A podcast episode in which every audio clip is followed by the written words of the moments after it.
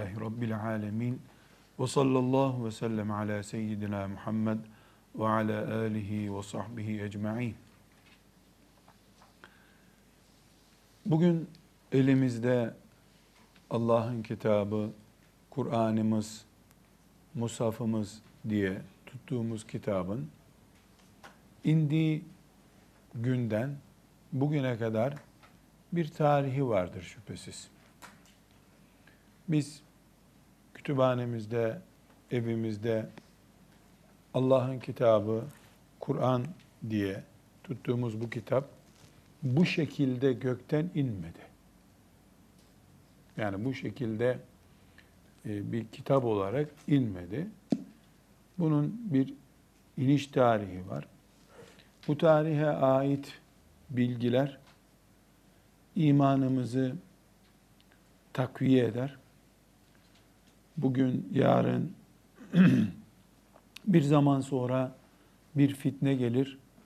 Kitabımızdan, Kur'an'ımızdan bizi şüphe ettirirse maazallah, bu Kur'an'ın elimize bugüne nasıl geldiğine dair bilgileri önceden öğrenmiş olursak çok rahat ederiz. Kur'an-ı Kerim şu şekilde bize ulaştı deriz. Ama Kur'an deyip onun hakkında hiçbir bilgisi olmayanlar günün birinde şeytanın icat ettiği bir fitneye imanlarını kurban edebilirler. Bu sebeple Kur'an'ımızın ilk dakikadan bugüne kadar gelen tarihi hakkında en azından satır başları şeklinde bir bilgi sahibi olmamız zaruridir. Kur'an-ı Kerim bir Ramazan-ı Şerif gecesi ve o da Kadir gecesiydi. Dolayısıyla bir Ramazan-ı Şerif gecesinde Kadir gecesi o sene hangi gece idiyse o gecede Kur'an-ı Kerim inmeye başladı. Hamim vel kitabil mubin inna enzelnahu fi leyletin mübareketin inna kunna munzirin. Hangi surede bu ayet? Hafız efendiler. Duhan suresi, Duhan suresinin 2 3. ayeti. 1 2 3. ayetleri. Resulullah sallallahu aleyhi ve sellemin peygamberliğinin ilk durağı olan Mekke Kur'an-ı Kerim'inde ilk indiği yerdir. En çok zaman olarak en uzun da Mekke'de Kur'an-ı Kerim indi. Resulullah sallallahu aleyhi ve sellem Efendimiz inen Kur'an ayetlerini kendisi okuma yazma bilmediği için, ümmi olduğu için, ümmi okuma yazma bilmeyen insan demektir. Okuma yazma bilmediği için vahiy katibi olarak adlandırdığımız özel katiplerine Kur'an-ı Kerim'i yazdırıyordu. Her senenin Ramazan-ı Şerif'inde de o Ramazana kadar inen ayetleri, sureleri Resulullah sallallahu aleyhi ve sellem Efendimiz Cebrail aleyhisselam ile mukabele ediyordu. bir Ramazan'ın Kadir gecesinde inmeye başladı. Ondan sonra her Ramazan ayında Resulullah sallallahu aleyhi ve sellem Cebrail aleyhisselamın önüne oturuyor ve Kur'an-ı Kerim'den o güne kadar inen ayetleri okuyordu. Bu e, Kur'an-ı Kerim'in Resulullah sallallahu aleyhi ve sellemin kalbine yerleştirilmesi, e, bir ayetin veya bir kelimenin yanlış anlaşılma ihtimallerini sıfırlama uygulamasıydı demek ki. Böylece Resulullah sallallahu aleyhi ve sellem Efendimiz 22 sene üst üste gelen ayetleri, sureleri Cebrail aleyhisselama okudu. Cebrail aleyhisselam dinledi. Her sene Ramazan'da. Son vefat ettiği senenin Ramazan'ında da iki kere yaptı bunu. Ee, iki kere Cebrail aleyhisselamın önünde Kur'an-ı Kerim'i okudu. Ramazan aylarında Müslümanların Kur'an-ı Kerim okumak için bir yere toplandıkları meclislere mukabele adı verilir. Bu mukabele bir gelenek haline geldi. Yaygınlaştı elhamdülillah. Bu mukabelenin aslının bu olduğunu hatırlamamız gerekiyor. Yani Cebrail aleyhisselam ve Resulullah sallallahu aleyhi ve sellem Efendimizin karşılıklı oturup Kur'an-ı Kerim'i Peygamber aleyhisselam Efendimiz'den Cebrail'in dinlemesine mukabele adı veriliyor. Şimdi de bu gelenek herkesin niyeti kendine göre farklı tabi devam ediyor. Gelen ayetler ve gelen sureler Resulullah sallallahu aleyhi ve sellemin talimatı ile yerleştiriliyordu. Bu ayeti filan surenin şurasına koyun diye tembih ediyordu. Vahiy katipleri de e, hangisi o gün nöbetçi ise diyelim e, oturup bu ayeti mesela işte Bakara suresinin filanca ayetinin yanına koyun filan olayın anlatıldığı ayetin arkasına koyun diye tembih ediyordu. Sallallahu aleyhi ve sellem Efendimiz. Dolayısıyla bundan da anlaşılıyor ki e, Kur'an-ı Kerim Resulullah sallallahu aleyhi ve sellemin zamanında belli bir tertip ve düzen içindeydi. Aksi takdirde her sene Cebrail ile karşılıklı mukabeleleri neye göre oluyordu? seçmece mi okuyordu? Hayır. Demek ki bir düzen vardı Kur'an'da. Bir düzen üzere oluyordu ki Cebrail aleyhisselamla oturup Kur'an-ı Kerim'i e, okuyordular. Cebrail aleyhisselam da dinliyordu. Burada e, Kur'an tarihi ile ilgili çok önemli bir nokta. Dedik ki Resulullah sallallahu aleyhi ve sellem Efendimiz okuyamıyor ve yazamıyordu. E, hatta bir yazıda kendi adını ve Allah lafzını bile ayrıt edemediğini zannediyoruz. O derece bilmiyordu. Buna dair ufak tefek tarihi bilgiler var. Çok önemli mi onun Kur'an okumayı bilmeyecek kadar ümmi olması? Yani Resulullah sallallahu aleyhi ve sellem ümmi olmasa ne olurdu? Zeki, aklı hiçbir insanla ölçülemeyecek, e, büyük kudretli, yetenekli, mucizeler içinde oturup kalkan bir peygamber sallallahu aleyhi ve sellem okuma yazma öğrenmesi onun için yani kaç dakikalık bir işti ki. Ama ne şiir biliyordu ne de okuma yazma biliyordu. Özellikle وَمَا عَلَّمْنَاهُ الشِّعْرِ Ona şiirde öğretmedik Allah buyuruyor. Özellikle şiir bilmiyordu. Özellikle şiir bilmiyordu. Ee, dolayısıyla şiir bilme işi, yani sanatsal konuşma, böyle e, dizilmiş, kafiyeli konuşma yeteneği yoktu. sallallahu aleyhi ve sellem Efendimizin. E, ama cevami'ul kelimdi. Yani konuştuğu sözler deha sözlerdi. Fakat şairler gibi cicili bücülü değil, ağır sözleri, ağır bir uslupla söylüyordu. O söylediği de onun mucizesi olarak herkeste olmayan bir yeteneği olarak ortaya çıkmıştı. Ama sıradan şairler gibi şiiri yoktu. Okuma yazması da yoktu.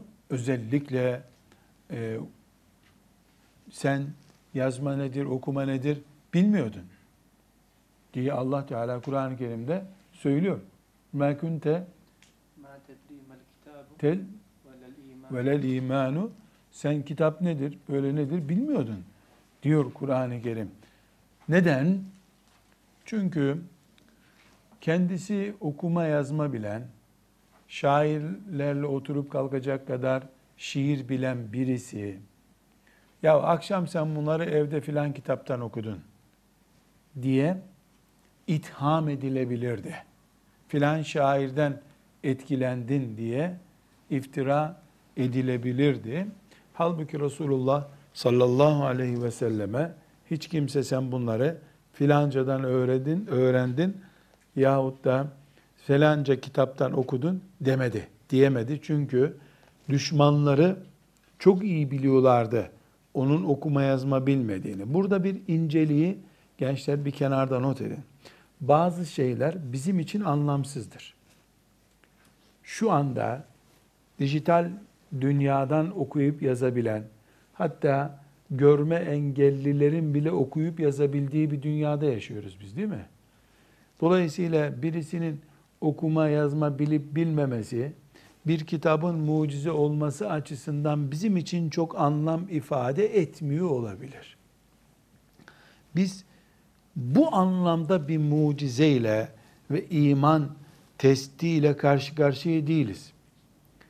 Ama Resulullah sallallahu aleyhi ve sellemin çocukluğundan itibaren onu tanıyanlar, onunla oturup kalkanlar, onun gençliğini bilenler, yüzde yüz eline kalem almadığını, hiçbir kitaba gözünün değmediğini yüzde yüz bilenler, bir gün Peygamber aleyhisselam elinde bir kitapla geldiğinde, yahu bunu sen filan yerden yazdın diye bir iftira yapamadılar. Bizim için bu söz konusu olabilir. Böyle bir şeyi biz anlamlı bulamayabiliriz. Okuma yazma hatta bilmeyişini e, onun derecesinin düşüklük nedeni olarak bile bu asrın insanı yorumlayabilir. Ama o zaman bu mucizenin yani Kur'an mucizesinin dayanaklarından birisi oldu. Elhamdülillah. Dolayısıyla Resulullah sallallahu aleyhi ve sellem Efendimizin ümmi yani okuma ve yazma bilmiyor, şiir yeteneği yok şeklinde bir hayat sahibi olması Kur'an'ın mucize oluşunu belgeleyen belgelerdendir. Özellikle vahiy katipleri diye isimlendirdiğimiz katipleri Kur'an-ı Kerim'i yazıyorlardı. Ee, burada bir ayrıntıya da girmemizde fayda var. Resulullah sallallahu aleyhi ve sellemin yaklaşık 40 tane katibi vardı. Kendisi okuma yazma bilmediği için okuyan, yazan katipleri vardı. Bu 40 katipten 6 e, tanesi vahiy katibidir özellikle. E, binaenaleyh yani 40 sahabinin isimini çıkartabiliriz. Ama vahiy katipliği çok daha önemli bir katiplik görevi. Bunu biz e, Kur'an-ı Kerim'in bugün e, nasıl bize ulaştığına dair e, bilgimizi e, güçlendirirken malzeme olarak e, defterlerimizde, hafızamızda bilmemiz lazım.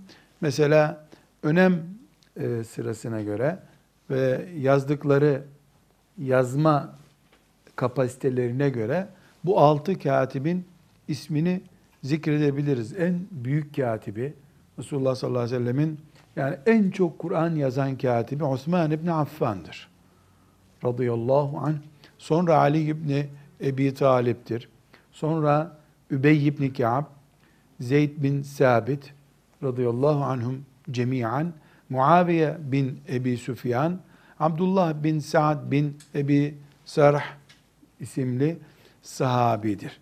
Bu altı sahabi e, vahyin indiği, Kur'an ayetlerinin geldiği olayların katibidirler. Bunlardan hangisi yanında varsa onu çağırıyor sallallahu aleyhi ve sellem Efendimiz. Ona da e, şu ayeti filan yere yaz diyordu.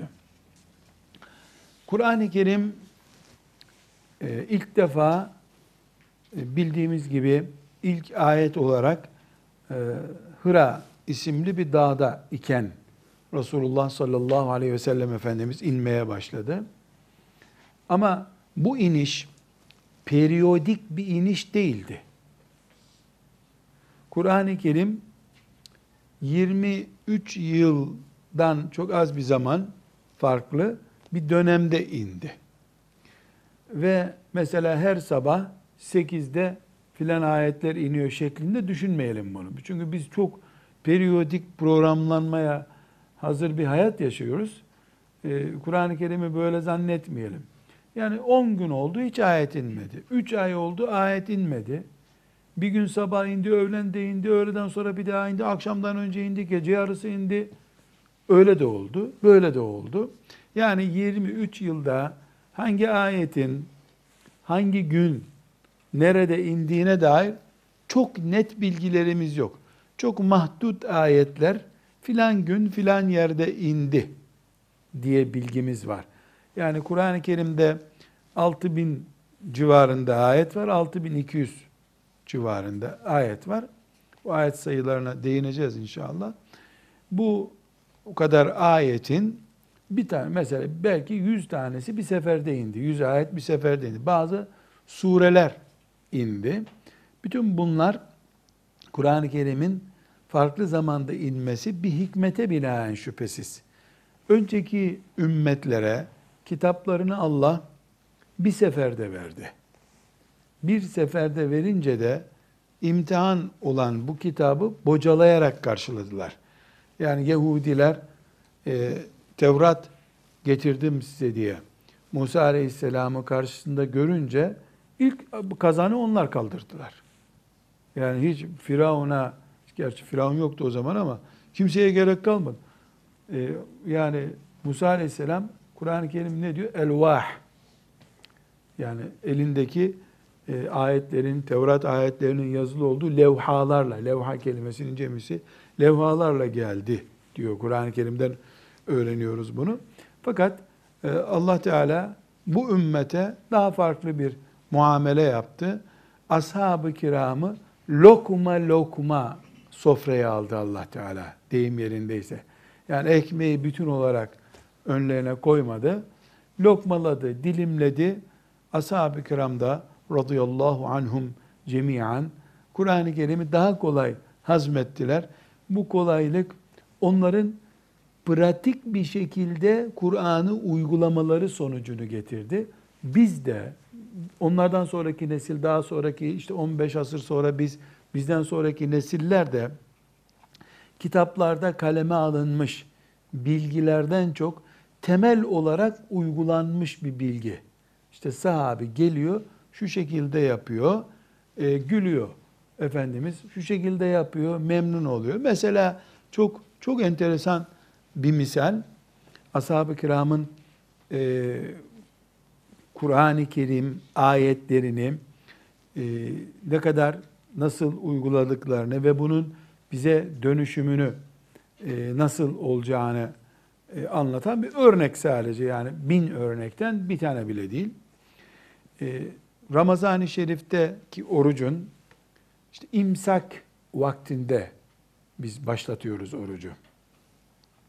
İmsak vaktinde e, oruç başlıyor. Şu anda biz bunu saat 3.20 diyoruz mesela. Ama Kur'an-ı Kerim 3.20 demiyor. Başka bir ölçü koyuyor. Ee, nedir Kur'an-ı Kerim'in ölçüsü? Siyah iple beyaz ipin fark edildiği zamana kadar yiyin diyor. Siyah iple beyaz ipin fark edildiği zamana kadar yiyin. Yani burada siyah ip gece, beyaz ip de gündüzdür. Şimdi gökyüzünde e, çok mesela bir e, saat 3'te 3'ü 20 geçe imsak oluyor kabul edin. 3'te e, gökyüzünü kameraya aldığımızı düşünelim. Bir de 3.30 yani 3 ile 3.30 3.30 arası kameraya alalım gökyüzünü. Yarım saat.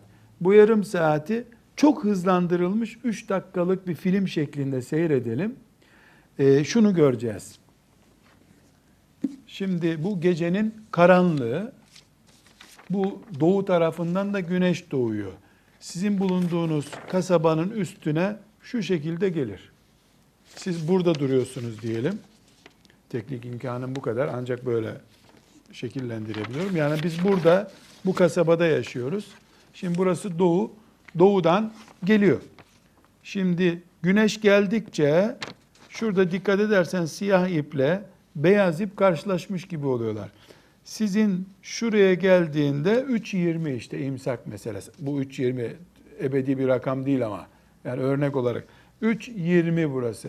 Sonra bu gidiyor. Tam beyaza gelince zaten böyle olunca sizin köy tepe tırnak olunca işte bu zeval vakti. Bu sefer öğle olmuş oluyor. Akşam ne oluyor? Akşam da şu şekilde oluyor. Güneş öbür tarafa gidiyor. Gidikçe sizin köy yavaş yavaş karanlık altında tam karanlıkta olunca yatsı namazı başlıyor bu sefer. Yaklaşık böyle bir köylüce tarif etmiş olayım ben. Bu sefer buradaki yaşayanlar bunu böyle ip gibi görüyorlar. Dünya 24 saatte dönüyor. Kitabımız, Kur'an'ımız bu sahneyi insanların işte şimdi benim çok iyi anlatabileceğim, o zamanki insanların da anlayabileceği çok latif bir uslupla siyah iple beyaz ipi ayrıt edebildiğiniz zamana kadar yiyebilirsiniz diyor. Yani siyah ip dediği gece, beyaz ip dediği de bu. Şimdi çok hızlı bir şekilde o e, imsaktan 20 dakika öncesiyle 20 dakika sonrasını çok hızlı bir filmde seyredebilecek olsak bu dediğim sahneyi görürüz orada. Sahabi de ne yapmış? Bir tane sahabi ismi var ama burada onu zikretmeye gerek yok. Gitmiş bir siyah bir beyaz ip almış. Onları penceresine asmış. Perde de kapalı. Şimdi yattığı yerden bakıyor siyah beyaz daha hayret edilmiyor. Bir daha saat işte 9 gibi diyelim. İyice güneş çıkınca perdeden ışık vurunca bakmış siyah beyaz anlaşıldı. Bırakmış yemeği. Gelmiş mescide. Ya da, yani nasıl diyelim işte 3'ü 20 geçe imsak olduysa o 8.30 9'a kadar yemiş. E, hükmü de Kur'an'dan çıkarmış ama siyah iple beyaz ipi ayrıt edine edinceye kadar yiyin. Pencereye asmış iki tane biri siyah biri beyaz. Onları ayrıt etmesi de ta 8'de 9'da güneş böyle birden çıkıyor da her taraf böyle göz kamaştıracak kadar güneş. O zaman bir daha siyahla beyazı ayrıt etmiş. Allah'ın emriyle o saate kadar yemek yemiş adam. Şimdi bu sahneyi e, Efendimiz'e de anlatınca gülmüş Efendimiz tabi. Yani e, yüzde yüz yanlış anlaşılmış. E, hiç dikkat edilmemiş. Kur'an'ın e, latif uslubunu, nazik uslubunu anlayamamış sahabi. ip asmış o. Halbuki Allah gökyüzünde gece ile gündüzün yani fecri sadıkın gelip e, aydınlatmaya başlaması sahnesini tarif ediyor Allah. Size yeri geldiği için e, özellikle tarif edeyim. İstanbul, Bursa gibi e, büyük şehirlerde, aydınlatmanın çok güçlü olduğu şehirlerde, sokak lambalarının olduğu yerlerde bunu çok zor. Belki e, yani astronomi cihazlarıyla olabilir bir şey demiyorum ama böyle gözle çıplak göze bakmak çok zor. Bir köye gittiğinizde ya da Hafız Efendi bunlar e, dağ kamplarına götüreceğiz ya. İşte ilk dağda bu gözlemi yapsınlar. Takvime baksınlar. İmsakten yarım saat öncesinden E, mesela saat 3.20 diyelim. 3.10 kala nöbete kalksınlar hepsi. E, doğuyu tespit edecekler. Doğu diye e, kalkıp da Edirne'ye bakmasınlar. Çünkü doğudan güneş gelecek. Gökyüzünde eğer bulutlu, aşırı bir bulutlanma yoksa o kadar güzel belli oluyor ki bu. Bir çizgi köyün ta ötesinden böyle bir perde gibi sanki perde nasıl pencereyi açıyorsun perde böyle geldikçe camdan dışarı görünüyor. Aynen o şekilde defalarca e, izledim. Tabii onu arayınca da kolay bulunuyor ama. Yani gökyüzünde yıldız saymaya bakarsan göremiyorsun bunu. Dediğim gibi işte bunu şöyle imkan olsa da belki de e, astronomi ile ilgilenen ilim branşlarında böyle kamerası filan da vardır, izlenmiştir belki bu. Çok güzel, çok tatlı bir şekilde ta mesela diyelim ki e, Çorum'dan baktığınızda işte 30-40 kilometre ötesinde neredeyse gök, tepeden bakınca çok ilerleri görünüyor. E, şimdi 15-20 kilometre ilerisi çok rahat görünüyor.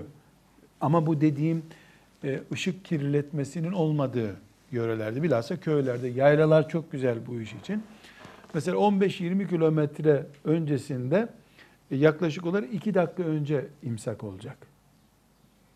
30 kilometre öncesinde 3, 3 dakika önce hemen hemen yani 2-2,5 dakika işte. Çünkü her 100 kilometre 5-6 dakika fark ettirecek erken olmayı. Bu çok tatlı bir sahne olarak seyredilir. Bulunduğun yaylaya geldiğinden 3-4 dakika önce bunu görmeye başlıyorsun sen. Tam tepede ve dikkatli bakınca tepene gelince işte imsak vakti oldu deniyor. Yani burada e, böyle bir bereket olsun diye özellikle zikretmiş olduk. Yoksa dersimiz imsak vaktini belirleme dersi değildir. Ama çok e, zor tabiat şartlarının bulunmadığı Kuzey Kutbu'na yakın olan bölgelerde bunu izlemek çok zor. Bu şekilde izlen, izlenemiyor. Ama bizim Anadolu gibi e, ekvatora yakın olan bölgelerde çok tatlı bir şekilde izlenebiliyor bu.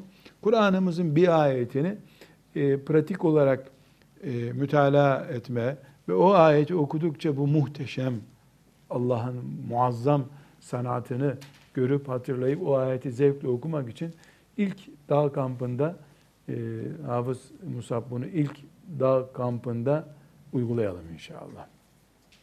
Evet. E, Ashab-ı kiram işte bu örnekte verdiğimiz gibi e, bir uygulama yapıyorlar. O uygulamayı yanlış yapıyorlar. Doğrusunu Peygamber aleyhisselam Efendimiz gösteriyor. E, doğru yapıyorlar, memnun oluyor.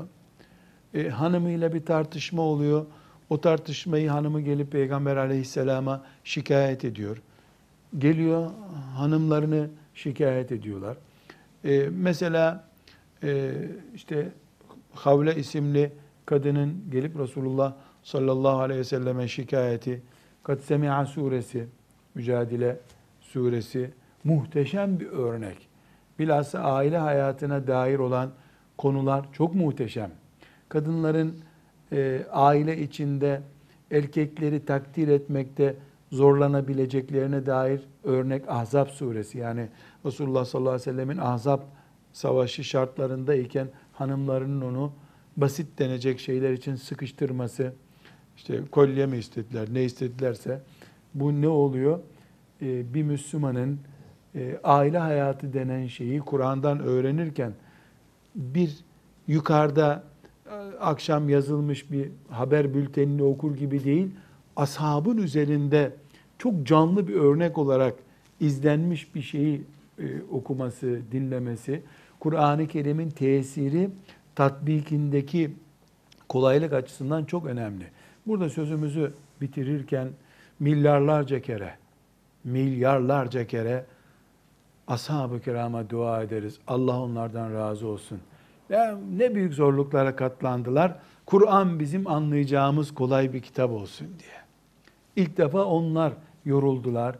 Kur'an'ın ahkamını uygulamanın zorluklarına sıfır tecrübe çünkü. Biz kulaklarımıza ezan okunarak hayata başladık.